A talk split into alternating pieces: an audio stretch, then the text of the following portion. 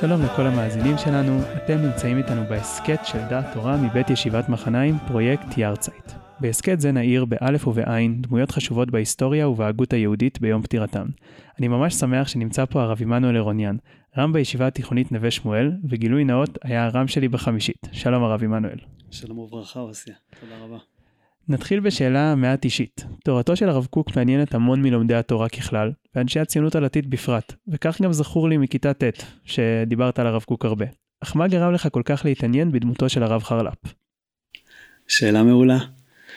האמת היא שאני התעניינתי ועדיין מתעניין ברב קוק עצמו, ואני פשוט רציתי להמשיך לעסוק בתורת הרב קוק, וגם להמשיך עם זה באקדמיה. ואז כשהגעתי לדבר עם המנחה שלי, הוא אמר לי שחקרו את הרב קוק הרבה. תמיד יש מה להוסיף, אבל חקרו אותו הרבה, ועדיף לך לעשות מחקר השוואתי. אז חיפשתי דמות שמצד אחד היא תהיה קרובה, שאני אוכל עדיין לעסוק ברב קוק, ומצד שני תהיה מיוחדת שיש גם מה להשוות.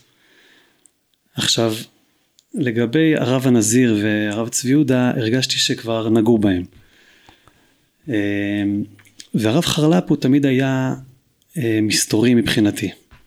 דמות אה, מסתורית לא מספיק אה, ברורה, לא מספיק מדוברת, קצת נחבאת אל הכלים, וזה באמת התחיל לעניין אותי ורציתי ככה להיכנס יותר לעניינים. אז ככה הגעתי להתעסק ברב חרל"פ וגיליתי שבאמת צדקתי. שזה באמת דמות שעם כל קרבתה לרב קוק היא באמת תופסת מקום לעצמה ואפילו תופסת מקום לעצמה ביחס לממשיכים האחרים של הרב קוק. מעניין מאוד, אז אני מנחש שנעסוק בהבדלים בין אה, הרב קוק לרב חרל"פ בהמשך, אבל בוא נתחיל עכשיו אה, ונחזור ונדבר על היסודות של הרב חרל"פ עצמו. איפה הוא גדל, מי היו רבותיו כשגדל, מה הם בכלל ראשי התיבות חרל"פ?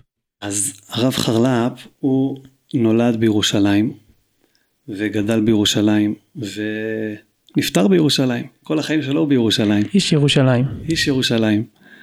אמ, הוא קצת הסתובב בגליל עם הרב קוק, אה, במסע המושבות, הגיע גם לרשב"י כמה פעמים, אבל הוא בגדול היה בירושלים אפשר לומר.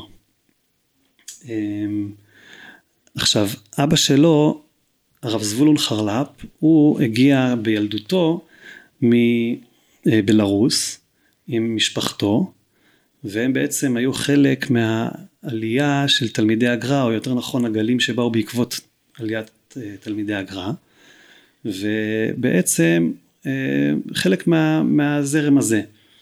והרב חרל"פ כל, כל חייו הוא, הוא יונק את, ה, את האווירה הזאת של היישוב הישן.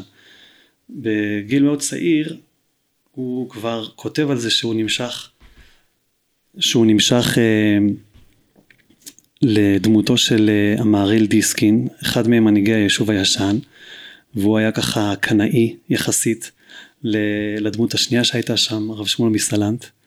והרב חרל"פ, אמ, אבא שלו היה דיין אצל, אה, בבית דין של אה, המהריל, והוא ממש חלם ללמוד אצלו גם.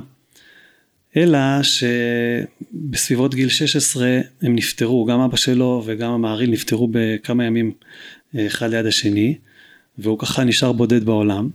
ואז זה בעצם גרם לו להתקרב לדמות מאוד מיוחדת נוספת שהייתה שם, רב הירש מיכל שפירא. הרב יהושע צבי הירש מיכל שפירא, שהוא אה, נולד בחברון, והוא היה דמות מאוד מאוד סגפנית, אה, מאוד מאוד פרושה, אה, והוא בעצם גם אותו דבר כמו הרב חרל"פ בעצם, לא, לא יצא מהארץ כל החיים שלו, ממש איש היישוב הישן, הגיע מחברון, אחר כך לירושלים, הוא גם היה מאוד מאוד מקורב למעריל, והוא היה ידוע כאחד שצם ימים על גבי ימים, המון ימים הוא צם, וקמים בבוקר מוקדם בחצות לילה לטבילות, והייתה לו חבורה של תלמידים ככה, שכדי להתקבל אליה היה, זה לא היה פשוט. ו... הרב חרל"פ שהיה צעיר אז, אז הוא ככה התחבר אל החבורה הזאת והתקבל. עכשיו עוד לפני שאביו מת הוא קצת למד אצלו אבל אחרי אביו נפטר וגם המעריל, אז ממש הוא הפך להיות ממש תלמיד מאוד מאוד מאוד קרוב למשך תקופה מאוד מאוד ארוכה. זאת אומרת, מגיל 14 הוא מכיר, הוא מכיר אותו בערך, איזה תשע שנים, עשר שנים ברצף. אז הוא לא מספיק ללמוד אצל המעריל והוא מוצא לעצמו דמות חדשה. נכון, אחר כך הוא איכשהו יחזור אל המעריל. כי כמה שנים אחר כך הבן של המעריל הרב אה, רבי יצחק ירוחם דיסקין עולה לארץ כדי ככה לחזק את היישוב הישן ואז, ואז המהר"ל, אה, ואז הרב חרל"פ אה, נצמד אליו והם עוסקים בעצם בכתבי אביו.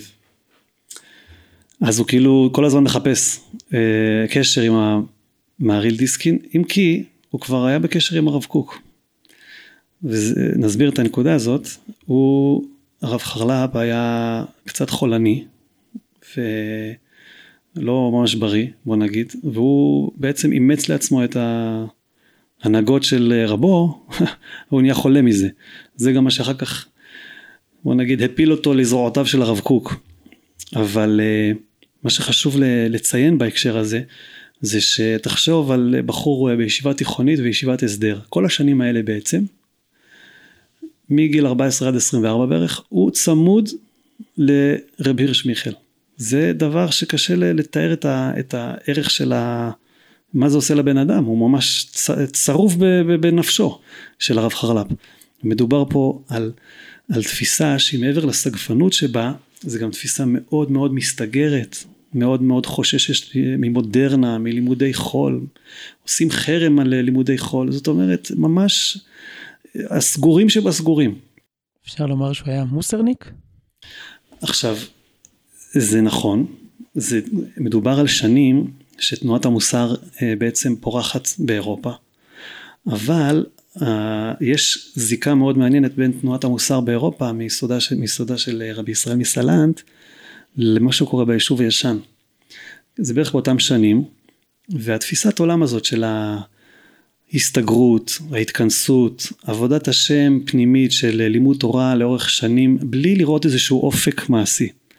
זה היה העניין, לימוד לשמה כפשוטו בלי להתחכם והרבה הרבה אה, מוסרניקיות אכן כן, הרבה הרבה מדמויות המוסר הגיעו, לעיר, הגיעו לירושלים, ליישוב הישן, הרבה מהם הגיעו לשם, גם היה חרם גדול ופולמוס גדול והרבה מהם מצאו את עצמם שם, גם רבי שמואל מסלנט, עוד לפני הקמת תנועת המוסר הוא קשור לרבי ישראל מסלנט, דרך הרב של רבי ישראל מסלנט, בקיצור הכל שם מקושר לדמויות מפתח בתנועת המוסר, ורבי הירש מיכאל היה ממש כזה, זאת אומרת מעבר ללמדנות ומעבר להיותו גם איש קבלה, הוא גם היה איש מוסר, ורואים את זה בכתבים שלו. הרב חרל"פ מצעירי החבורה לפני מיתתו של אה, רבי הירש מיכל הוא מפקיד בידיו את הכתבים שלו ומבקש ממנו להוציאם לאור. וזה פלא כי היה לו הרבה תלמידים שם גדולים יותר, ותיקים יותר, תחשוב זה גם מישהו משיעור א' מגיע ולוקח פה את ה... אז זה באמת, והרב חלפ אכן מוציא אותם לאור, לפחות את חלקם, וכשרואים את הדברים רואים שבעצם אז מעבר לחיבור הלכתי שהרב חרל"פ הוציא, הוא גם הוציא כמה חיבורים מוסריים, ושם אתה רואה כמה רב הירש מיכל היה איש מוסר. כל הכתיבה שלו זה העתקה של קטעים מספרי מוסר, מעשרות ספרי מוסר שבכל, ה... מתקופת הראשונים ועד עד אחרוני האחרונים, פשוט מעתיק פסקאות על גבי פסקאות של אה, ספרי מוסר, וביניהם הוא ככה שותל כמה תובנות שלו על הדרך. אז בהחלט מדובר, מדובר על איש מוסר של תנועת המוסר, זאת אומרת שיש הרבה דגש של מלחמה ביצר הרע, ויחס עוין כלפי העולם הזה, וכלפי גשמיות, וממש כל, כל החבילה הזאת. אה, אני אשאל בנוסף, כי אני סקרן וגם כי אף פעם לא הבנתי, מה הם ראשי התיבות? מה, מה מציינים המילה חרל"פ? זה קשור לאחד מ... אבות אבותיהם של משפחת חרל"פ זה חייה אה, ראש לגולי פולין או פורטוגל, אה, משפחה שבסוף הגיעה לפולין, וזה על שם ראש המשפחה. זאת אומרת, זו משפחה ותיקה מאוד. הבנתי, מעניין מאוד, למרות שהוא עצמו כן כבר היה איש ירושלים. נכון. אחד הדברים שבהם הוא ידוע, הרב חרל"פ, זה כפי שציינת, אורך חייו הסגפני. אז ציינת שהוא שואב את זה באמת מרב צבי הירש מיכל, ורציתי לשאול איזה חלק זה תופס בחיי הרב חרל"פ עצמו. ואולי כבר נקדים וגם נשאל איך הרב קוק תפס את זה. העניין של הסגפנות והפרישות הוא בעצם ביטוי מסוים לתפיסת עולם יותר עמוקה. תפיסת עולם שאפשר לקרוא לה אולי ברמה הפילוסופית אה, אולי הקוסמיזם, אולי זאת תהיה המילה, שבגדול מדובר על שלילת המציאות כפי שהיא, הדגשת הרוחניות והנשמה והגעגועים והרצונות זה נקודות שמאוד מאוד חזקות אצל הרב חרל"פ. כחלק מזה, עכשיו אני לא יודע בדיוק מה התחיל לפני מה, אבל בתחילת דרכו אכן הרב חרל"פ היה מאוד מאוד סגפני וזה משהו שגם די נשאר אצלו במידה מסוימת, אבל הרב קוק חד משמעית התנגד להיבט הזה, לעניין של הסגפנות. חד משמעית התנגד ובאגרות שלו הוא אומר לו הרבה פעמים למען השם הוא משתמש בביטוי הזה תתחיל כבר אה, לתפוס את עצמך מבחינה בריאותית והרב חרל"פ אה, כותב לו אני הגעתי למסקנה שאני לא הולך לש... להתייעץ עם רופאים. זה בתקופה רק בהיכרות שלהם בתקופה הראשונה. זאת אומרת למה להתייעץ לרופאים? גם אה, רבי רשמיכל לא התייעץ עם רופאים. אם כבר התייעץ עם רופאים רבי רשמיכל אם כבר הוא התייעץ עם רופאים זה היה כדי לדעת איפה הבעיה כדי שהוא יוכל לעשות תשובה באותו, באותו מקום שיש את הבעיה. זאת אומרת זה הכל ממקום כזה. אמ, אפשר לראות שבמכתבים היותר מאוחרים של הרב חרל"פ כשהוא כבר מדבר אל הילדים שלו ולתלמידים שלו כן רואים איזושהי התרככות והוא אומר להם לשמור על הבריאות ולאכול טוב זאת אומרת שמשהו בנושא הזה של הסגפנות לדעתי כן התרכך אבל בשורש התפיסה היא תפיסה מאוד מאוד רוחניקית, מאוד מאוד, uh, הנשמה זה העיקר, וכל העולם הזה הוא הבל הבלים בעצם. היית אומר אולי שהשינוי קרה בגלל בעצם שהוא פגש את הרב קוק? Uh, ברור, uh, אין ספק. Uh, אולי נדבר על המפגש שלו עם הרב קוק. כן, בשמחה. בעצם הוא... איך הוא מכיר אותו, איפה הוא פוגש אותו. זהו, אז... ופה זה גם חשוב מאוד להבין את ה... את, באמת את... Uh, את עומק הקשר שלו עם הרב קוק. הרב חרל"פ כאמור נהיה חולה מזה פשוט, פשוט נהיה חולה מה, מההנהגות שלו. והרופאים אמרו לו לך ליפו יש שם ים יש שם אוויר טוב וכנראה שתוכל להתרפא שם. זה דבר שחוזר על עצמו גם בהמשך חייו. בשנות ה-40 זה גם היה לו איזה שנה שהוא הלך ליפו כדי להתרפא זאת אומרת זה ככה היה.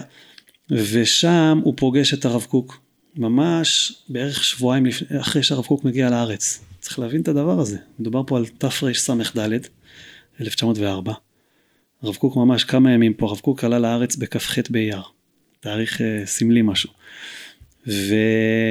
ובשבועות הרב חרל"פ היה כבר ב...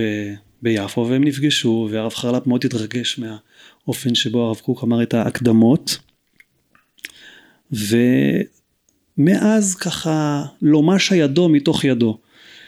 וזה מאוד מאוד משמעותי להבין מה, מה זה אומר. הנה הוא ממש מציין שמהרגע הזה דבקתי באהבה עזה והייתי לתלמידו וחסידו לעולם. לגמרי. גם הרב הנזיר, אם אני לא טועה, יש לו חלק שבו הוא מספר על איך שהוא ראה את התפילה של הרב קוק והתחבר אליו. נכון.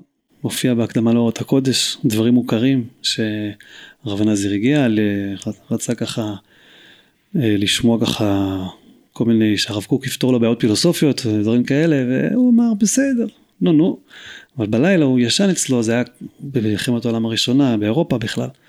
וכשהוא שמע אותו ככה אומר את העקדה, התחיל להתפלל, אז הוא כבר אמר, בואו, חשבתי שמצאתי לי זה, מצאתי לי רב. לא תשובה לאיזה שאלה, אלא מצאתי לי רב. מעניין שגם הרב חרל"פ וגם הרב נזיר התחברו דרך הנקודה של התפילה של הרב קוק. זה באמת דבר מדהים. ואילו הרב צבי יהודה פשוט היה בן שלו. אבל פה זה מאוד מאוד חשוב לראות שהרב חרל"פ מאז, מאז שהרב קוק הגיע לארץ ועד פטירתו, הרב חרל"פ היה צמוד לרב קוק. עכשיו זה נכון שהרב קוק היה איש העולם הגדול וגם היה בתקופת המלחמה ב, באירופה וגם נסע לארצות הברית אחר כך בשנות ה-20 ובכלל היה איש ממש אה, פוליטי גם אפשר לומר הרב חרל"פ כל הזמן צמוד אצלו ומגיע אליו, ובמיוחד חייבים להבין, בשנים האלה זה ללכת מירושלים ליפו זה כרכרה, זה סוסים, זה, זה ממש סיוט. והרב חרל"פ עם כל הקושי שלו היה נוסע שבועות שלם, שלמים כדי להיות עם הרב קוק ביפו, היו הולכים על החוף, מדברים, משוטטים, מספרים, ובעצם עיקר הקשר של הרב חרל"פ עם הרב קוק זה קשר של, של אה, חי, קשר חי, של תורה שבעל פה. זה נכון שהם גם התכתבו ביניהם, אבל עיקר הקשר של הרב חרל"פ אל הרב קוק הוא לא דרך הכתבים של הרב קוק. הם לומדים ביחד? הם לומדים ביחד, הם נמצאים ביחד. הרב חרל"פ כותב אה, מכתבים לתלמיד, לתלמידים שלו על הבלוק המכתבים של הרב קוק. יש אה, אחד מתלמידיו הקרובים, הרב שחור, והוא נמצא בירושלים והרב חרל"פ כותב לו מהבית של הרב קוק אז הוא משתמש בציוד המשרדי של הרב קוק אפשר לראות אז הם היו כן הם היו מאוד מאוד אה, קרובים וגם כשהרב קוק חזר מהמלחמה אז אה, ממש הוא קודם כל הלך אה, אחד הדברים הראשונים שהוא עשה זה לפגוש את הרב חרל"פ כי פשוט הם היו חברי נפש כאלה. הם בעצם לא נפגשו בתקופה של המלחמה כמה שנים? זה יוצא איזה ארבע שנים, חמש שנים, כן, כל, כל תקופות המלחמה. לא, ואנחנו יודעים שזו התקופה המשמעותית לרב חרל"פ מבחינת זה שהיה קשה לו, הוא כותב שהעולם לקוי, הוא כותב לרב קוק, שהעולם לקוי לסיבת התחברותנו במקום אחד, הם ממש קשורים אחד בשני לפי איך שהוא כן. מתאר. כן, הם קשורים ו... והקשר הזה הוא לא רק קשר אישי ונפשי, אלא הרב חרל"פ מטעין אותו במשמעות כמעט, הוא כמעט אפשר לומר שהרב חרל"פ בנה על הרב קוק להיות המשיח. ואפשר לראות מההתכתבויות ביניהם, הוא ממש ציפה ש... שיבוא עם אה, מאות תלמידים לארץ והופס, ומלא הארץ דעה את השם קיים. זה דבר ממש לא קלאסי לאיש ירושלים ובטח היישוב הישן. למה לא? אנחנו יודעים שהם אה, קצת התנגדו, אפשר לומר בלשון המעטה, לתורת הרב קוק. אה, אולי באמת נדבר על זה, אנחנו יודעים ש... נכון. שקנאי ירושלים שאיתם הרב חרל"פ למד, לא תמכו ברב קוק אה, באופן כזה פשוט. איך הרב, איך הרב חרל"פ חי בין שני העולמות האלו? נכון, נכון. אמ, אני אגיע לנקודה הזאת מתוך התחברות לנקודה הקודמת. הרב קוק כותב לרב צבי יהודה, תוך כדי המלחמה, אחרי שהרב חרל"פ הציע לו, תבוא עם הרבה תלמידים ואופס תבוא הגאולה, הרב, חרלה, הרב קוק כותב לרב צבי יהודה, איזה כוח מדמה גדול יש לה, לרב חרל"פ, אה, יש לך כוח מדמה יותר גדול מזה, כאילו, הרב קוק היה יותר מחובר אל המציאות, והרב חרל"פ היה הרבה יותר פנימי. עכשיו, הרב קוק, האמת ניתנת להיאמר, אין עליו, זאת אומרת, הוא גם היה הכי עמוק שבעולם וגם הכי רחב שבעולם, היה מחובר אה, כמה שיותר, אה, לכמה שיותר כיוונים, והיה איש מאוד מאוד פנימי גם, אבל הרב חרל"פ היה בעיקר איש פנימי. וגם תוך כדי המלחמה יש ביניהם התכתבות איך תבוא הגאולה, והרב חרל"פ בא ואומר, אנחנו רוצים גאולה שהיא מעל הטבע. מה זה הטבע, זה משהו מצומצם, הרי אנחנו שואפים אל האין סוף. כל החיים של הרב חרל"פ זה השתוקקות. נכון, יש את הסיפור הזה שאסקמוסים יש להם אה, ככה איזה עשר מילים לקרח, mm-hmm. אז לרב חרל"פ יש איזה עשר מילים ל- לרצון ו- וכמיהה והשתוקקות וגעגועים, והוא כותב על זה בלי סוף, ציפייה לישוע. הוא, מחפ... הוא, הוא חלק מה, מהדבקות שלו ב, ב, בעולם של אין סוף, ותוך כדי הסתכלות על המציאות כמשהו ככה שאין לו ממשות בפני עצמו, היא גם יוצרת אצלו אה, כמיהה אל האינסוף והדגשה של הנקודה הזאת. ואז הוא כותב לרב קוק, גאולה מעל הטבע, מעל הטבע.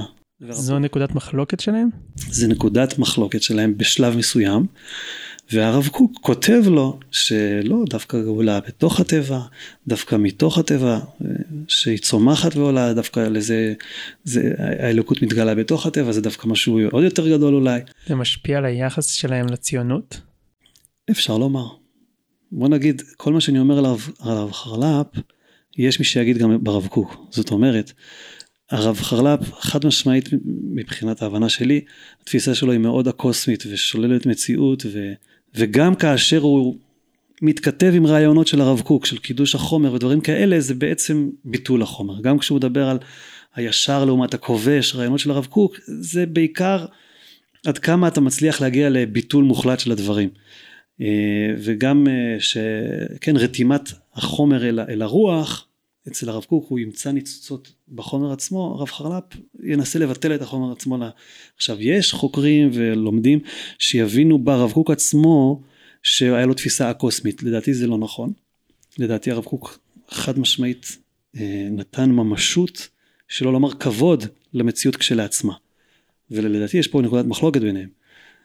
אבל באיזשהו שלב, הרב קוק אה, מתכתב איתו, ובאיזשהו שלב הרב חרל"פ, בוא נגיד, איכשהו מעכל את הרעיון הזה של הגאולה בדרך הטבע, והוא, והוא מוכן, מוכן איכשהו קצת אה, לעכל את זה, אבל בסופו של דבר, לדעתי הוא לא קיבל את זה בצורה מוחלטת.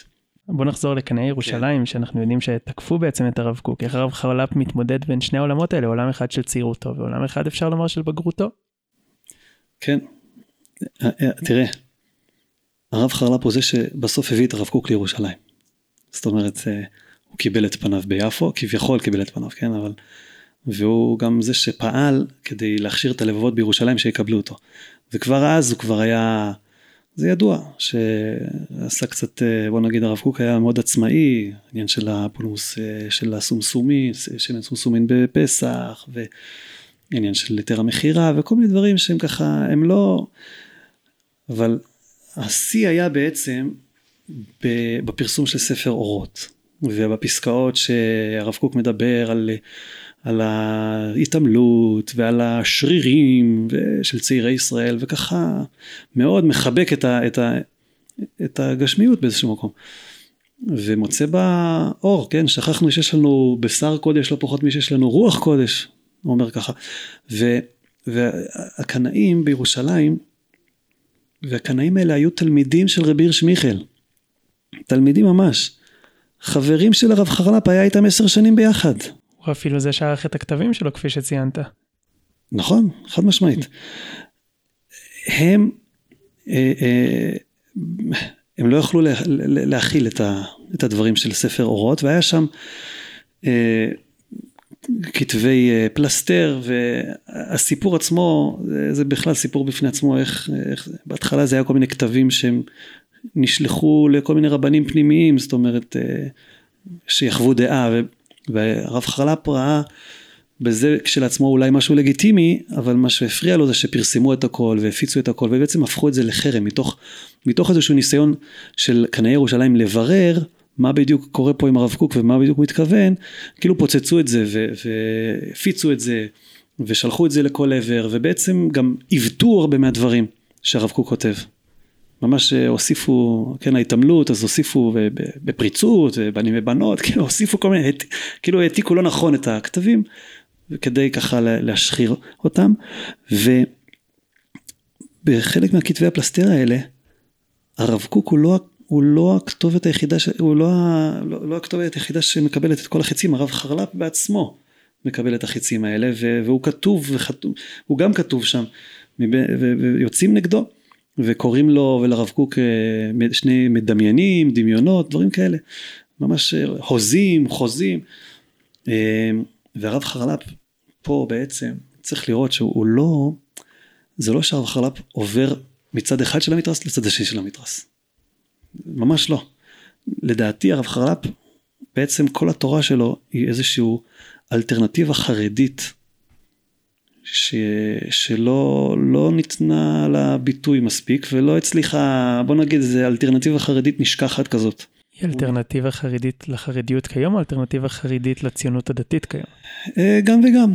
זאת אומרת, אה, התפיסה של החזון איש בסוף השתלטה על העסק. ו...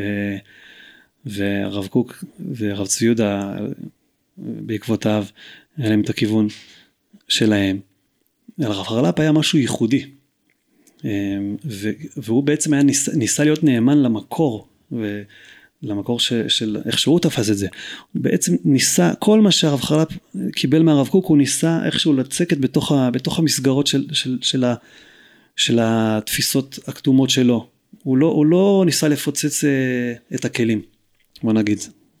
הוא ניסה לחבר את הכל, והוא כותב על זה גם ביומנים שלו, שהוא, שלפעמים נשמה אחת כזאת מתחברת בו, משנה, נשמה אחרת, הוא מנסה לאחוז את שני הקצוות.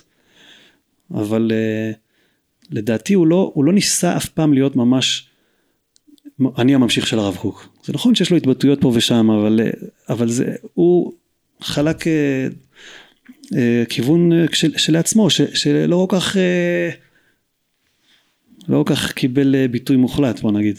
היה לו הרבה השפעה על מה שאנחנו מכירים היום בזרם הזה של מרכז.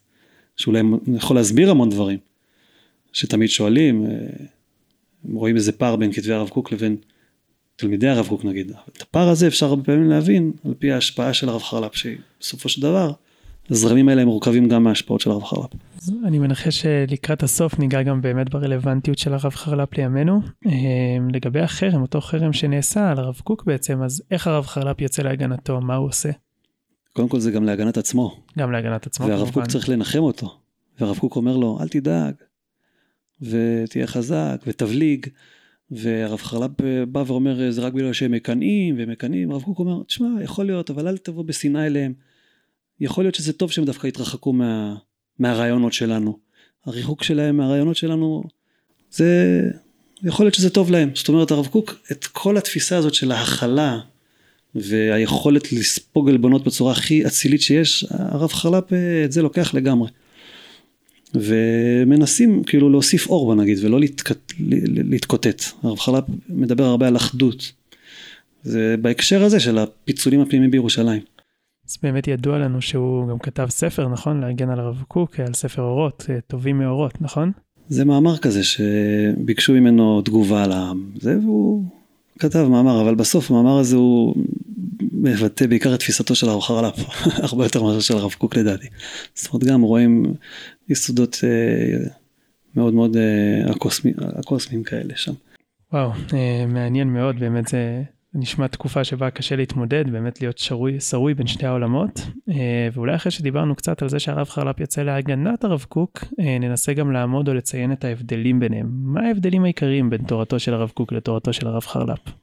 אני חושב, אה, כפי שהזכרנו בהתחלה, הרב קוק הרבה יותר מקבל את המציאות, את הטבע, ורואה בו בעצמו אור.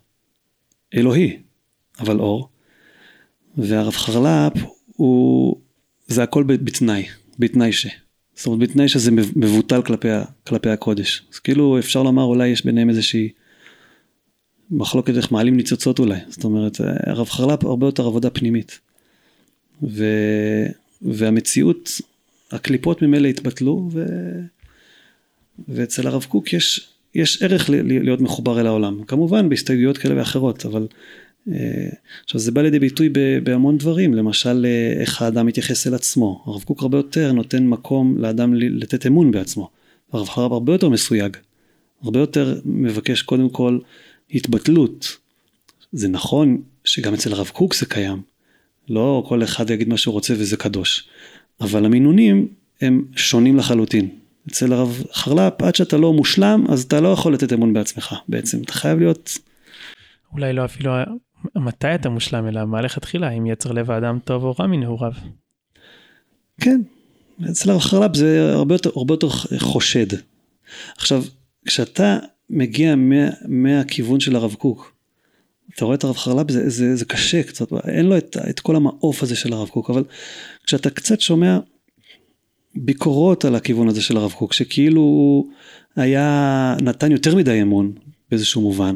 והרבה פעמים אפשר לקחת את הרב קוק ולהבין אותו בצורה לא נכונה וכאילו להגיד על כל דבר קדוש קדוש קדוש. אתה מבין שהחששות של הרב חרל"פ הם, הם לא היו, היה להם על מה לחול, זאת אומרת, זה לא שהיה לו חששות קונקרטיים כלפי דברים שהרב קוק אמר, אבל העמדה הבסיסית שלו היא הרבה יותר, קודם כל תעשה עבודה עם עצמך לפני שאתה יכול אה, להפליג ברעיונות. אז גם עבודת המוסר וגם העניין הזה של הביטול של החומר וגם העניין הזה של הגאולה, אצל הרב חרל"פ, טוב, הרב קוק נפטר בשנת 35.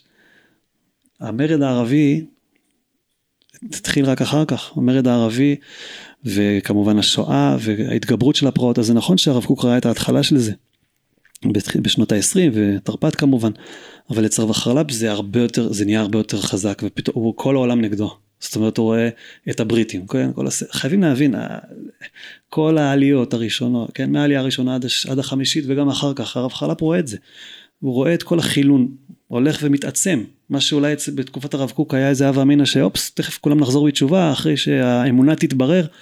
וכן, הרי לפי הרב קוק החילון הוא בסך הכל בא לטהר את האמונה. יש כוייך, אבל עוברים זמן ורק זה הולך ומעמיק, הרב חלב מאוד קשה לה עם זה. ו... והבריטים, והגרמנים, קיצור, אז תפיסת הגאולה של הרב חרל"פ יש בה משהו הרבה יותר אפוקליפ, אפוקליפטי, והרבה יותר אה, כאילו נותן יסוד למהפכנות, למהפכנות ולניסיות. והרב קוק פחות כאילו נותן איזה מקום. למהפכנות הלא טבעית.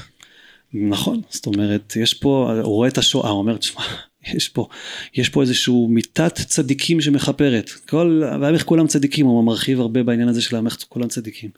גם העניין הזה של אה, אנשים שמוסרים את הנפש והם אינם דתיים, אינם שומרים תורה ומצוות, הרעיון הזה שבעמך כולם צדיקים הוא ממש מפתח אותו. שאוקיי, אז גם העניין הזה של הפרט לעומת הכלל, זה לא סתם שהרב קוק נותן מקום לפרט והרב חרל"פ הרבה יותר מבטל את הפרט. כי הפרט, הרבה מהפרטים שהוא רואה לנגד עיניו הם חילונים, אבל הם מסורים אל הכלל, אז כאילו אני לא רואה את הפרט. אני רואה את, ה, את העם, אני רואה את ה...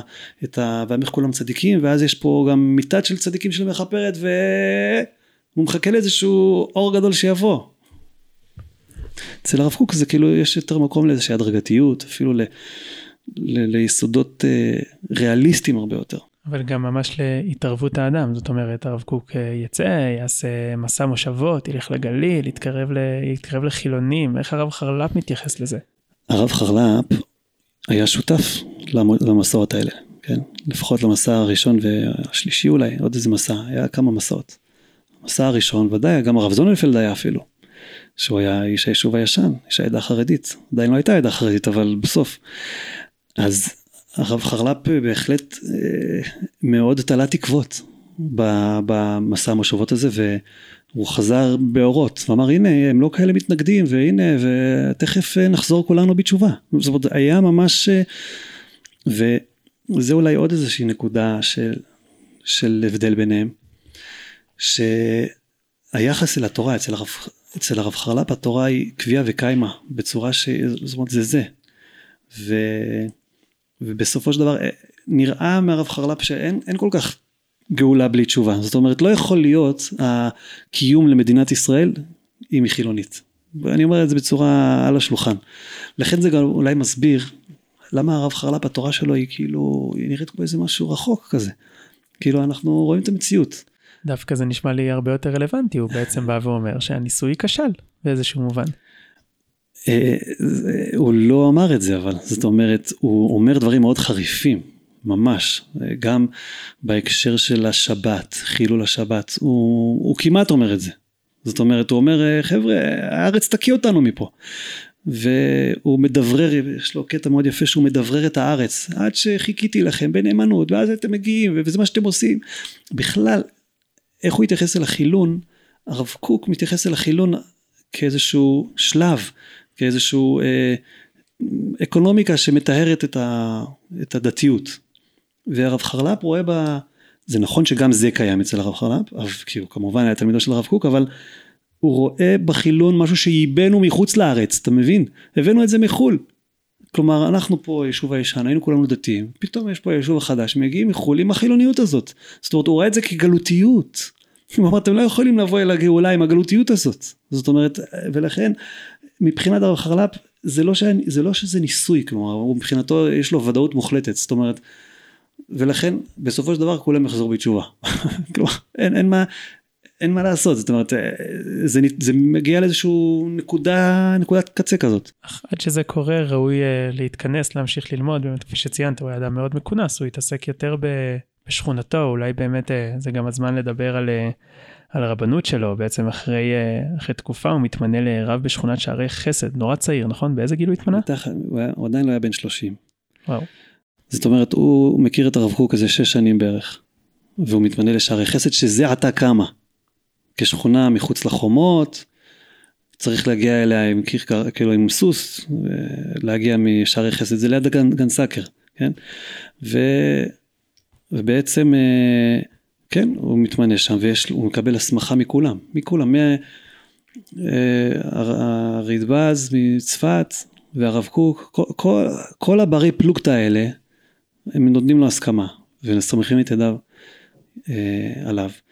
וזה בשנת 1910. אה, אחר כך, 12 שנה אחר כך רחביה קמה עם, אה, יש חלוצים ומשכילים וחילונים, והם הם בעצמם מבקשים אותו, שככה יפרוס את חסותו גם עליהם, והוא נענה.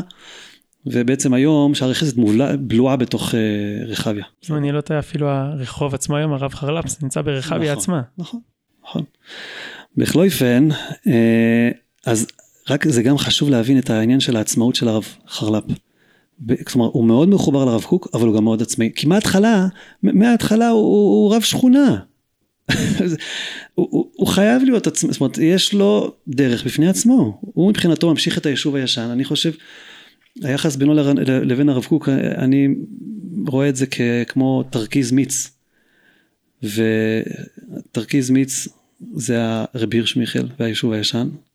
זה ככה עשר שנים, אה, נכון? ואז עוד שלושים שנה של הרב קוק זה המים. זאת אומרת המים, יש הרבה יותר מים. בסוף זה הרבה יותר שנים שהוא מחובר לרב קוק, אבל זה, זה הכל צבוע בצבע של המיץ של, של התרכיז הזה. ועם הטעם הזה, והגוון הזה, וה, והאופי הזה, המוסרניקי. אבל, אבל התוכן הוא בסוף תכנים של הרב קוק. מטאפורה מעניינת שבאמת אה, יכולה להסביר את דמותו. אה, אנחנו נהוג לומר, אני תמיד שמעתי שלרב קוק היו שלושה תלמידים, וכל אחד לקח רכיב או איזה דגש אחר מתורתו, הרעציה, הרב הנזיר והרב חרל"פ. אבל אף פעם לא הבנתי באילו נקודות הרב חרל"פ הוא דווקא ממשיכו, אמרת שהוא לא לגמרי ממשיכו, אבל באילו נקודות הוא כן. זו שאלה טובה. אמ,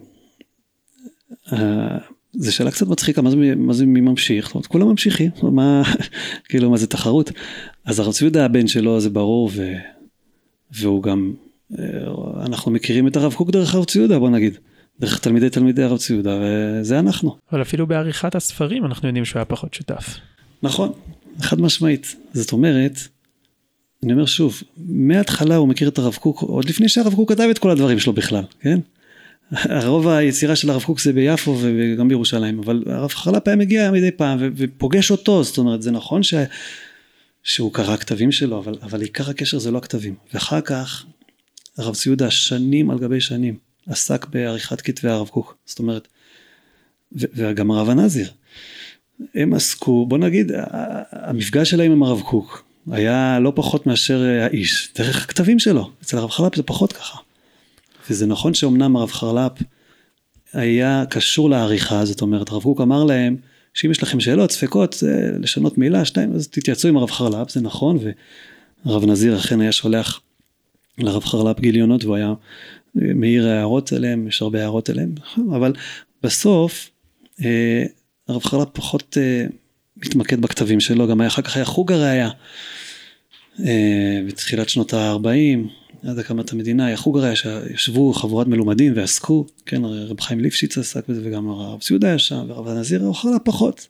עכשיו אולי הוא גם היה קצת חולה בתקופה ההיא אז הוא לא יכל, אבל אני לא יודע בדיוק למה, אבל בסוף גם, הוא גם בסוף מקים ישיבה משל עצמו, בית זבול, אז הוא כן תופס איזשהו מקום, אה, אה, זה עכשיו, מה, אם אתה שואל איזה נקודה הוא הכי מדגיש, אולי את העניין הזה של הפנימיות, והעניין הזה שעם כל זה שאנחנו כנאמנים, על, מנסים לפחות, להיות קשורים לרעיונות של הרב קוק ו- ולא להתייחס באופן אה, מבטל כלפי עולם החומר, אבל הרבה פעמים אנחנו כאילו מגיעים לקצוות ולפעמים אנחנו נטבעים בחומר. אולי כלשון המהר"ל יש לו ביטוי כזה, טבוע בחומר. לפעמים מרוב שאנחנו רוצים ל- לכל, לקחת את כל הניצוצות שיש בעולם, ויש ניצוצות בעולם ולכן אנחנו כל כך אוהבים את העולם, אנחנו נופלים ושוכחים שיש גם uh, עולם של נשמה. והרב חרל"פ, אם אפשר, לש... אם אתה שואל אותי, מי הממשיך או משהו כזה, או באיזה נקודה הוא ממשיך, אז הוא מדגיש את הנקודה הזאת מאוד. יש לו בן שנוסע לחוץ לארץ, לארצות הברית. הוא אומר לו, אל תתפתה לחשוב שאם אתה דוקטור אז, אז אתה משהו, הכל הבל. כאילו, ב, בסוף יש את המצוות, יש את עבודת השם, יש את הדבקות בהשם, יש את התורה לשמה. ו- וזה העיקר, וזה מה שנשאר גם, וזה הנצח, זה החיבור אל הנצח. ואחרי שנפטר הרב קוק, ביקשו ממנו להיות, אה, להחליף אותו בתור רב ראשי לישראל. הרב חלפ לא רצה, שיגעו אותו. בסוף הוא הסכים, ובסוף בכלל בחרו את הרב הרצוג, והוא בכלל, הוא כל כך שמח ש, שזה, שזה לא היה הוא. הוא לא אהב את כל העשייה הפוליטית הציבורית, והוא גם ניסו, הציעו לו אחר כך להיות אה, רב של איזה עיר, אז הוא לא רצה את זה, הוא אמר גם, אתם לא יודעים, כשאני יושב בפינה שלי, אני עושה דברים, דברים קורים, זה לא הכל נמדד רק לפי ה... במה פעלת בפועל, האנשים שהם אנשים רוחניים, והם כל כולם דבוקים במחשבות של קדושה וגעגועים לקדושה, הם פועלים במציאות. זה, זה, זה... עכשיו הרב קוק היה ודאי כזה, ודאי שהרב קוק היה כזה, אבל הרב חרל"פ, הרב קוק פשוט היה הרבה דברים. הרב חרל"פ, אם אפשר להגיד משהו שהוא ממשיך, זה, זה הרבה את הנקודה הזאת. זה ממש מעניין את הנקודה של הפנימיות, אנחנו יודעים שהרב קוק אמר שהוא הולך לרבי יעקב מוישה, כי מה ששייך לפנימיות שלי, זאת אני יכול לדבר רק שם. זאת אומרת, באמת אולי זאת הייתה נקודת החיבור שלהם. כן, זה בדיוק המשפט שהוא אומר, בדיוק כשהוא חוזר מהמלחמה. אתה מבין? זאת אומרת, זה, הוא כאילו מגיע טעון אחרי המלחמה, והדבר ראשון, אני חייב לדבר איתו קודם, לפני שאני אומר לכם שלום. אנחנו יודעים שעוד משהו שהיה משותף להם זה בעצם איזושהי תודעת שליחות מאוד מאוד גדולה, איזושהי חוויות דתיות מאוד חזקות, שניהם מתארים, אם אני לא טועה, בכותל, איך הם חווים איזושהי חוויה דתית נורא חזקה. נכון. זה קשור קצת למה שאמרנו מקודם, שבשלב של המלחמה, אז הרב חרל"פ איזשהו, כאילו, כמעט, כמעט הפך את הרב קוק למשיח, כן? אבל זה קשור, שוב, לתפיסה, בוא נגיד, נפש החיים. שמעת על ספר נפש החיים? בעצם נפש החיים אומר צלם אלוהים, זה אומר שהאדם, מה שהוא עושה, מזיז פה משהו, עושה פה מעשה, זה מפעיל את כל העולמות העליונים, ואחר כך שפע של אור וברכה מגיעים לעולם. הרב חרל"פ היה מאוד מאוד שם, מאוד מאוד מאוד שם. ו, והוא, זה מזכיר, כן, את מה שרשב"י אומר, בני עלייה, אני ובני מצילים את כל העולם, ממש ככה הוא הרגיש, הוא והרב קוק, ככה, ככה הוא ראה את עצמם. שביחד עם הרב קוק, העבודה הרוחנית שלהם, אה, פוליטי זה משהו פה, לפעול שם זה, זה מהצד. אבל העוצמה והמשמעות התיאורגית, המיסטית של הדברים, של עבודת השם שלהם, היא יכולה להפוך עולמות, וממש הוא היה שם, ממש הרגיש ככה. זה מאוד מעניין כי זה נראה לי נורא רחוק היום מתפיסת אה, אם אפשר בכלל לקרוא לזה ככה הציונות הדתית אה, כמובן לא המפלגה אלא הציבור אה, פתאום לפי מה שאתה מתאר פה אולי זה ברור למה הרב חרל"פ לא כל כך מוכר בציבור ואולי חבל אפילו. בסדר זה, זה אכן מסביר את זה אולי אבל מצד שני זה גם מסביר זה מסביר הרבה דברים גם על, על המקום המתכנס שיש להרבה תלמידי תלמידיו של הרב קוק. זאת אומרת זה כן מסביר קצת את ה... את ה לא צריך לבוא עכשיו ולהציג את עצמי כ, כיפה וכנכון וכצודק ולדבר עם כל העולם. זאת אומרת יש ערך לעבודה שלי בפינה שלי והערך הוא לא מסתכם בדלת אמות שלי. ויש קטע מאוד יפה שהרב חרל"פ כותב על אותיות התורה שכל אדם הוא אות. ואנחנו יודעים שספר תורה שהאותיות נוגעות אחת בשנייה, הוא פסול, לפחות אה, מצד אה, מצוות כתיבת ספר תורה נגיד, בשיטת הרמב"ם, אבל בגדול זה לא, צריך לתקן את זה. אז אה, רב חרל"פ מסביר ש... שכל אחד יש לו אות, וכל אחד הוא צריך, יש לנו בינינו אהבה גדולה, ואנחנו רוצים ככה להתגושש ולהתרועע ולהתחבר כל הזמן ולהיות ביחד כל הזמן. ו- ולצאת ולפעול ול- ול- ולהיות בקשר עם אנשים, אבל הרב חלפ אומר, דווקא האהבה והרצון להיות מחוברים, שכל אחד יהיה מחובר על, ה- על הקלף במקום שלו, ואז אנחנו נהיה מחוברים באמת. זאת אומרת, יש לו את ההתבדלות וההתכנסות והפרישות הזאת שהוא קיבל כבר עוד מינקות, אתה רואה, הוא ככה מפתח את זה. מפתח את זה, מעדן את זה, מרחין את זה אולי. ו... ומחבר את זה גם לרעיונות של הגאולה וכולי. באמת נראה לי אם זאת נקודה ש... שהצלחנו לתפוס בו, לתפוס פה ההתכנסות הזאת אה, לתוך עולם התורה והלימוד, אה, אם זה מה שהצלחנו לשוחח עליו דיינו, אבל אה, הייתי שמח אם תלמד קטע של הרב חרל"פ שאתה מאוד אוהב או מתחבר אליו, שגם המאזינים יוכלו לשמוע. אז האמת היא שבגלל שאני ככה בזמן האחרון קצת אה, קורא את כתביו, אז יצא לי פשוט לעשות איזשהו ליקוט של אה, ככה פנינים בעזרת השם, אני מקווה שאולי נוציא את זה לאור מתישהו, אבל uh, אפשר לקרוא כמה דברים. Uh, ופשוט כדי לתת לכם את התחושה. למשל, יש מאמר אחד שהוא נקרא את שבתותיי תשמור. והוא, בסוף הוא מבקש, תחש, תחזרו בתשובה, תחזרו בתשובה. אז אני קורא ממש משפט. דם אחד נוזל בקרבנו, ורוח לאומי אחד נושבת באפינו. וכמונו כמוכם, הננו מתאבקים עם כל המציקים והלוחצים אותנו. אף אחד לכולנו, הלא אל אחד ברענו. מדוע נבגוד איש באחיו לחלל ברית אבותינו?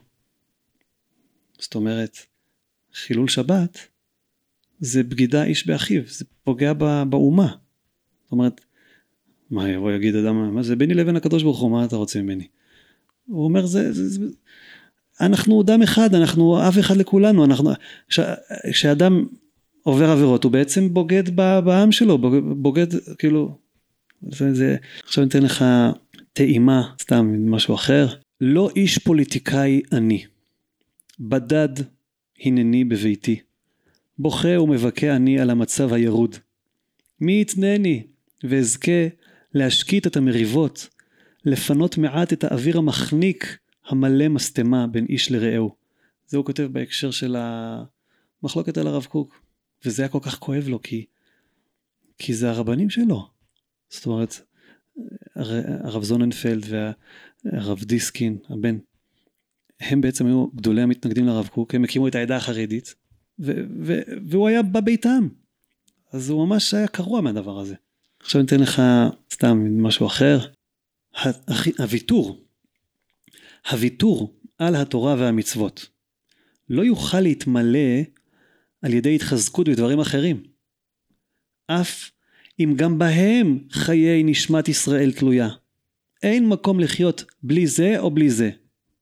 לזאת, הפתרון הטוב תלוי אכן בשני הצדדים, שכל אחד יאשים את עצמו ולא יטיל כל הקולר רק על חברו, ושניהם ישתדלו להביט איש על חברו בעין יפה, לראות ולהעריך תמיד את הצד, את הצד הטוב שבזולת, להבין את שיחתם, ללמוד תמיד גם את הטוב שבצד השני, ובזה יתוקן עולם המלכות שדי. זאת אומרת, אה, בניית הארץ מצוין, תורה מצוות מצוין. הוא, הוא כואב לו שהחרדים לא, לא ממש בקטע. אבל הוא לא, הוא, לא, הוא ממש קרוב, הקרע הזה נראה לי, הוא משותף לכל, לכל מי שתורת הרב קוק נגעה בליבו. וגם לרב ציודה כמובן, לרב נזיר, זה, זה לא משהו שהוא מאפיין דווקא אותו. מה הוא כותב אחרי השואה? הוא לא מוותר. זה מעניין, השואה, שואלים איפה היה אלוהים בשואה, אז הרב חלפ שואל איפה היה האדם בשואה, הוא ממש שואל את זה, זאת אומרת, הוא, הוא אחרי השואה הרגיש את הנטישה של אומות העולם. ופה אנחנו נמצאים במקום שאוהב לאחד בין ישראל לאומות, זה עוד נקודה שהרב חלפ, אה, שאלת גם מה ההבדל בין הרב קוק לרב חלפ, הרב חלפ היה הרבה, הרבה פחות אוניברסלי מהרב קוק, הרב קוק היה באמת, התפיסה שלו היא אמנם לאומית, אבל לאומיות אוניברסלית. ואני חותם על זה, אני, הבנתי הדלה, הרב קוק היה בהחלט עם שאיפות ומגמות ותפיסות והגות אה, אה, אוניברסלית, על גבי היסוד הלאומי. אני אומר, הרב חלפ משהו, משהו נשבר, הוא אומר, איפה, הוא רואה את השואה כבגידה של כל האנושות בישראל, ויש לזה השלכות אחר כך. כל היחס אל הגוי, אלא, אתה מבין, הוא נמצא פה שרואה את הפרות של הערבים ואת הבריטים שעושים לנו חיים קשים ואת הגרמנים, כל סוגי הגויים שהוא מכיר בוגדים בישראל. וזה לוקח אותו לכיוון גם קצת חריג בהקשר הזה, במיוחד אם אתה משווה את זה לרב קוק, לרב צבי יהודה ולרב הנזיר. זה עוד נקודה. אבל שנייה אני אקרא משהו על השואה. השעה שעת מבחן היא. כל דור יש לו מבחן אחר. ודורנו במבחן האהבה הוא נמצא. עברנו כמה מבחנים, כמה ניסיונות גדולים, ובכולם עמדנו ונזר ניצחון על ראשנו. כבלי ברזל גדענו, נפשנו מסרנו, ייסורים סבלנו, ולא אמרנו את כבודנו כבוד השם המולך עלינו. ועתה הוא המבחן האחרון, מבחן האהבה. כי מנסה השם אלוקיכם אתכם לדעת הישכם אוהבים את השם אלוקיכם בכל לבבכם ובכל נפשכם. ככה, straight forward, כאילו, זה יש פה, יש לו ביטוי אחר, מעניין אם אני אמצא את זה, שהוא אומר אנחנו נקיים מצוות באדיקות, גם אם נדע שעל מצוות אנחנו מקבלים גיהנום ועל עבירות אנחנו מקבלים גן עדן. כי למה? כי אנחנו אוהבים את השם. יש עוד נקודה בהקשר הזה של היחס אל העולם הזה, שאת רואה הרב חרל"פ הרבה הרבה מתעסק עם חטא הדם הראשון. ואיך שהמציאות הייתה לפני, ואיך שהמציאות הייתה אחרי. הרבה מהרעיונות של הרב קוק, הוא כאילו דוחף למציאות שלפני חטא הדם הראשון. זאת אומרת, האמון שהאדם נותן בעצמו, ו- ושהאינטואיציה הפנימית שלך היא אפילו סוג של נבואה, דברים שאולי אפשר לראות ברב קוק קצת. הוא אומר, זה לפני חטא הדם הראשון, אחרי חטא הדם הראשון הכל uh, השתנה. ואפילו פעם אחת הוא מתבטא במונח הנוצרי, החטא הקדום, זאת אומרת שזה בכלל, וואו, עוד כמה נקודות. Um, יש uh, פרופסור יהודה מירסקי, הוא טוען שכל הרעיון, כל המונח, של, המושג של ארץ ישראל בתורת הרב קוק, הוא נכנס לפרונט רק אחרי שהרב קוק עלה לארץ. עכשיו אצל הרב חרל"פ זה היה גם לפני. יכול להיות ש... כלומר, הרעיון הזה של ארץ ישראל והמרכזיות, אני לא בטוח שהרב חרל"פ קיבל דווקא מהרב קוק. זאת אומרת, אפילו הפוך הייתי אומר, בזהירות. שהרב חרל"פ, הדבקות שלו בארץ, היא, אם כבר, היא זאת שככה הכניסה את זה יותר אה, לרב קוק. אה, לא יודע אם ממש ככה להגיד את זה, אבל אה, הרב חרל"פ מדבר המון על אוויר עד ארץ ישראל. זאת אומרת, הארץ היא רוחנית. זה הכל קשור לתפיסה שלו שהארץ, העם והתורה הם בסוף משהו רוחני נשמתי. זאת אומרת זה אפילו לא קשור לפרוגרמה ציונית כלשהי, זה פשוט נכון, נכון. הארץ עצמה. הוא אומר שציונות זה שם, זה שם, זה שם חיצוני, הוא לא אוהב את השם חיצונות. אבל הוא, הוא לא מחפש מדינה. האם הוא היה מסכים שהמדינה היא יסוד כיסא השם בעולם? אני חושב שכן, אבל uh, כשהמדינה, כשהוחלט על הקמת המדינה הוא בכה. כזכור. מהתרגשות? לא, עם הרב ציודה הם בחרו על זה שאת ארצי חילקו.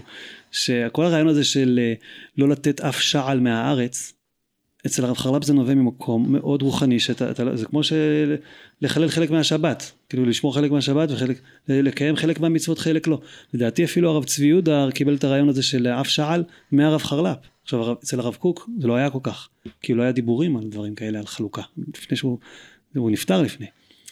אמ, מה שרציתי לחדד יותר זה שאצל הרב קוק יכול להיות שהתורה היא איזשהו ביטוי עמוק של הנשמה הישראלית. ואצל הרב חרל"פ הלאום, הממשות, הממשות הישראלית היא נגזרת מהתורה, ישראל נגזרים מן התורה. וזה שוב ההסתכלות הקוסמית על המציאות, זאת אומרת אין, אין, אין, מישראל בלי תורה, זאת אומרת נשמתם של ישראל נגזרת מהתורה. אני רוצה לתת לך דוגמה על העניין הזה של קידוש החומר כאילו בגרסה של הרב חרל"פ. כאילו אמרתי הרעיונות של הרב קוק הוא קיבל אבל אבל נתן להם את הצבע של היישוב הישן אז למשל הוא אומר זה שעוסק בפרנסתו ומקיים את כל הנאמר בתורה מחובר אל העולם מה תגיד שהוא בא לבת אז זה שעוסק בפרנסתו ומקיים את כל הנאמר בתורה, שיודע את כל הדינים השייכים לעוסק במלאכה שלא להונות את חברו וכיוצא בזה, הרי הוא ממש עוסק בתורה בכל גופו. ולא עוד אלא, שכמו שאסור ליהנות מדברי תורה, וכל הפרס שמקבלים הוא נחשב רק לשכר בטלה, מי שלומד תורה, מלמד תורה זה, אסור להתפרנס מזה, הרמב"ם המפורסם, ויכוח. נו, אז רק שכר בטלה, הייתי יכול לעבוד, אז בסדר, על הבטלה הזאת, אז תשלם לי על זה שאני לומד ומלמד. אז אומר רב החרל"פ, כמו שאסור ליהנות בדברי תורה וכל הפרס שמקבלים הוא נחשב רק לשכר בטלה, כן צריך כל מי שעוסק בפרנסתו, שעצם המלאכה והעבודה שהוא עובד בעד חברו יהיה מצד קיום ואהבת לרעך כמוך. והפרס שלוקח הוא רק שכר בטלה. כאילו אתה עובד בעולם של החולין, הוא, מקד... הוא מכיל עליו מצווה, מצוות אה, חלויס כזה של מצוות אה, ואהבת לרעך כמוך. השכר זה שכר בטלה. זה, זה דבר, אה, יש פה גם פלפול כזה. מעניין מאוד, אני מנחש שאלו הרבה דברים uh, כתביו היותר מחשבתיים. הייתי שמח אם לסיכום uh, גם תוכל לתת איזשהו טיפ לאנשים שרוצים להתעניין עוד בדמותו בעקבות ההסכת, וגם אילו באמת ספרים הוא כתב, איפה לחפש אותם. הרב חרל"פ כתב uh, הרבה מאמרים שהוא פרסם תוך כדי תנועה בחייו, חלקם קובצו בספר שנקרא אמרות טהורות. Um, בשנים האחרונות של חייו הוא הוציא ספר שנקרא בית זבול, גם על שם אבא שלו וגם על שם ארץ ישראל, וזה בעצם ספר בעיון, אה, הסוגיות, הוא, זה ככה, אחר כך יצאו איזה שישה כרכים במשך הזמן. ככה נקראת הישיבה שלו, נכון? נכון. ובעצם הרבה, הרבה מהדברים הם דברים שהוא גם לימד במרכז, וגם לפני כן בעץ חיים שהוא לימד שם, לא, לא אמרנו את זה. אז זה צדדים עיוניים, ונראה לי על הספר הזה הוא זכה בפרס הרב קוק או משהו, זאת אומרת זה ספר אה, יצירה. אה, בשנת 45 הוא הוציא את החיבור הראשון מי מרום על שמונה פרקים, שזה בעצם שמונה פרקים, הקדמה של הרמב"ם לאבות, זה שיעורים שהרב קוק היה מלמד במרכז, והוא בעצמו בא והמשיך אחריו, ו... ובעצם זה שיעורים סביב הדבר הזה. ואחר כך יצאו המון המון המון אה, כרכים, אבל רוב הכרכים יצאו אחרי מותו, אבל מכתבים שיש, חלק ממכתבים, חלק מזה. אז זה בעצם, סדרת מי מרום היא היום עונה 20 כרכים. 20 כרכים, וכל כמה שנים יוצא איזה כרך. ממש שנה שעברה, לפני שנתיים, כאילו ממש כל כמה שנים יוצא כרך. יש את הכרכים המפורסמים, הראשונים יותר, על אה, פרקי אבות, אה, חיבור שנקרא לחם אבירים, שהוא גם קצת ככה עוד יותר רוחני, רוחני. ויש אה, את ממעייני הישועה, שזה בענייני גאולה. אורי ואישי, שזה בענייני חודש אלול וימים נוראים, ואז יש לו על, ה, על, ה, על התורה, גם דרשות, גם פירושים, נימוקי המקראות, זה ממש ככה פסוק אחרי פסוק, יש דרשות, ויש על החגים, זה מלא, זה מלא דברים שבעצם אה, בית זבול הולכים ומוציאים, עכשיו יש הרבה, פשוט, אה, עכשיו אני באופן אישי מאוד מאוד אוהב את, ה, את האיגרות שלו, שזה ממש, אתה רואה כל הלב שלו שם, וה... זה קשור גם ליישוב הישניות, הוא מכניס את כל הלמדנות לתוך, ה, לתוך הרעיונות הרוחניים שלו, הוא ממש, הוא גם מרחיב על, ה, על ערך הפלפול הרוחני, ממש יש לו על זה דברים להגיד. הוא עושה חילוק, יש פלפול ויש פלפול, אבל רוחניות תפלפל ותפלפל, כלומר כשאתה קורא את הרב קוק אתה רואה איזו תמונה שלמה, איזושהי תמונה גדולה שהוא משרטט לך אצל הרב חרל"פ, הרבה פעמים המהלכים שלו זה שלב שעובר שלב שעובר שלב שעובר שלב, אתה כבר לא יודע לאן אתה הגעת, הגעת מנקודה אחת לנקודה אחרת. אז זה בהרבה ספרים, בספרים שלו, ככה מה שאמרתי, ממרום, אבל במכתבים, אתה רואה גם את הלב שלו ישר על השולחן וגם הרעיון ב- ב- ב- בקצרה. הוא כתב בשנות ה... כן, בש, בשנות העיינים, אה, היה לו תלמיד חבר, רבי משה לייב שחור, שהוא משפחה מוכרת, ו... והוא ממש נקרא ישלח ממרום, זה ספר מדהים, הרבה הרבה הדרכות בלימוד, כאילו בחורי ישיבה יאהבו את זה, ממש. אחר כך הבן שלו אה, יוצא לחו"ל לארצות הברית, אה, רבי יחיאל מיכאל חרל"פ, ונהיה שם רב גדול בברונקס, ממש, אה, והוא כותב לו ספר מכתבי מרום, ואתה רואה גם, גם המון המון דברים על החיים שלו וגם המון אה, רעיונות, הוא אומר לו איזה ספרים ללמוד ואיך ללמוד, המון, אה, ואתה רואה שם המון המון געגועים ותשוקה ורצון ולהדגיש את הדברים החשובים בחיים, ממש, הוא ממש, הוא, הוא, הוא, הוא כאילו אוהב חרל"פ, אי אפשר לבלבל אותו, אי אפשר לפתות אותו. אה, לא בשום, בשום דבר, אתה מבין, היה לו אפשרויות, הזדמנויות להיות בכל מיני משרות חשובות, הוא דבק ב, באמת, זה מידת האמת כזאת, ממש אה, מאוד חזק. אז אני מאוד אוהב את המכתבים, כמובן יש הד הרים, שזה מכתבים בינו לבין הרב קוק, גם מתקופת יפו וגם מתקופת המלחמה בעיקר. בתוך המכתבים לרב קוק אתה רואה הרבה מכתבים לרב צבי יהודה. מעניין לציין, אני ככה אגיד פה, שאין כמעט התכתבות בינו לבין הרב הנזיר, כמעט. זה שזה פלא עצום. ההסבר היחיד שאני יכול לתת לזה זה שפשוט הרב הנזיר הגיע לפה אחרי המלחמה, והיה בירושלים, הרב חל"פ היה בירושלים, אז פשוט דיברו. זאת אומרת, לא היה ביניהם היכרות שלפני כן שיצטרכו להתכתב יותר מדי. זה... אבל uh, אני מאוד ממליץ על המכתבים. עכשיו יצא לפני לא מזמן uh, איגרות מרום של יאיר חרל"פ, נינו, שזה אגב מישהו שאני גם עובד איתו על הספר של הפנינים, שאנחנו קוראים לו מפניני הים, הים יעקב משה, מפניני הים, בעזרת השם. והספר אגרות מרום זה ספר שהוא בהחלט אה, ככה מקבץ המון מאמרים ובעיקר כל מיני מכתבים. אני מאוד ממליץ על, ה, על האגרות. אה, זהו. וואו, מרתק. אז אה, באמת לכם המאזינים יש המלצה וספרים שאתם יכולים לפגוש באמת דמותו של הרב חרל"פ. תודה רבה הרב עמנואל. בשמחה, וזה, אני מרגיש שזה כטיפה מן הים, זאת אומרת, אני כטיפה מן הים תרתי משמע, הים. אני, וכל הדברים, כאילו, אני אומר לפי איך שאני מבין אותם, איך שאני קולט אותם, ובערבון מוגבל, זאת אומרת, אני לא מתיימר להיות מומחה ברב חלפ, אז נשים את זה פה, ו... רק כדי לעורר את התיאבון ולהכיר קצת יותר את דמותו. תודה רבה. בשמחה, תודה לך, רבי מנואל. אכסניה, על הזכות.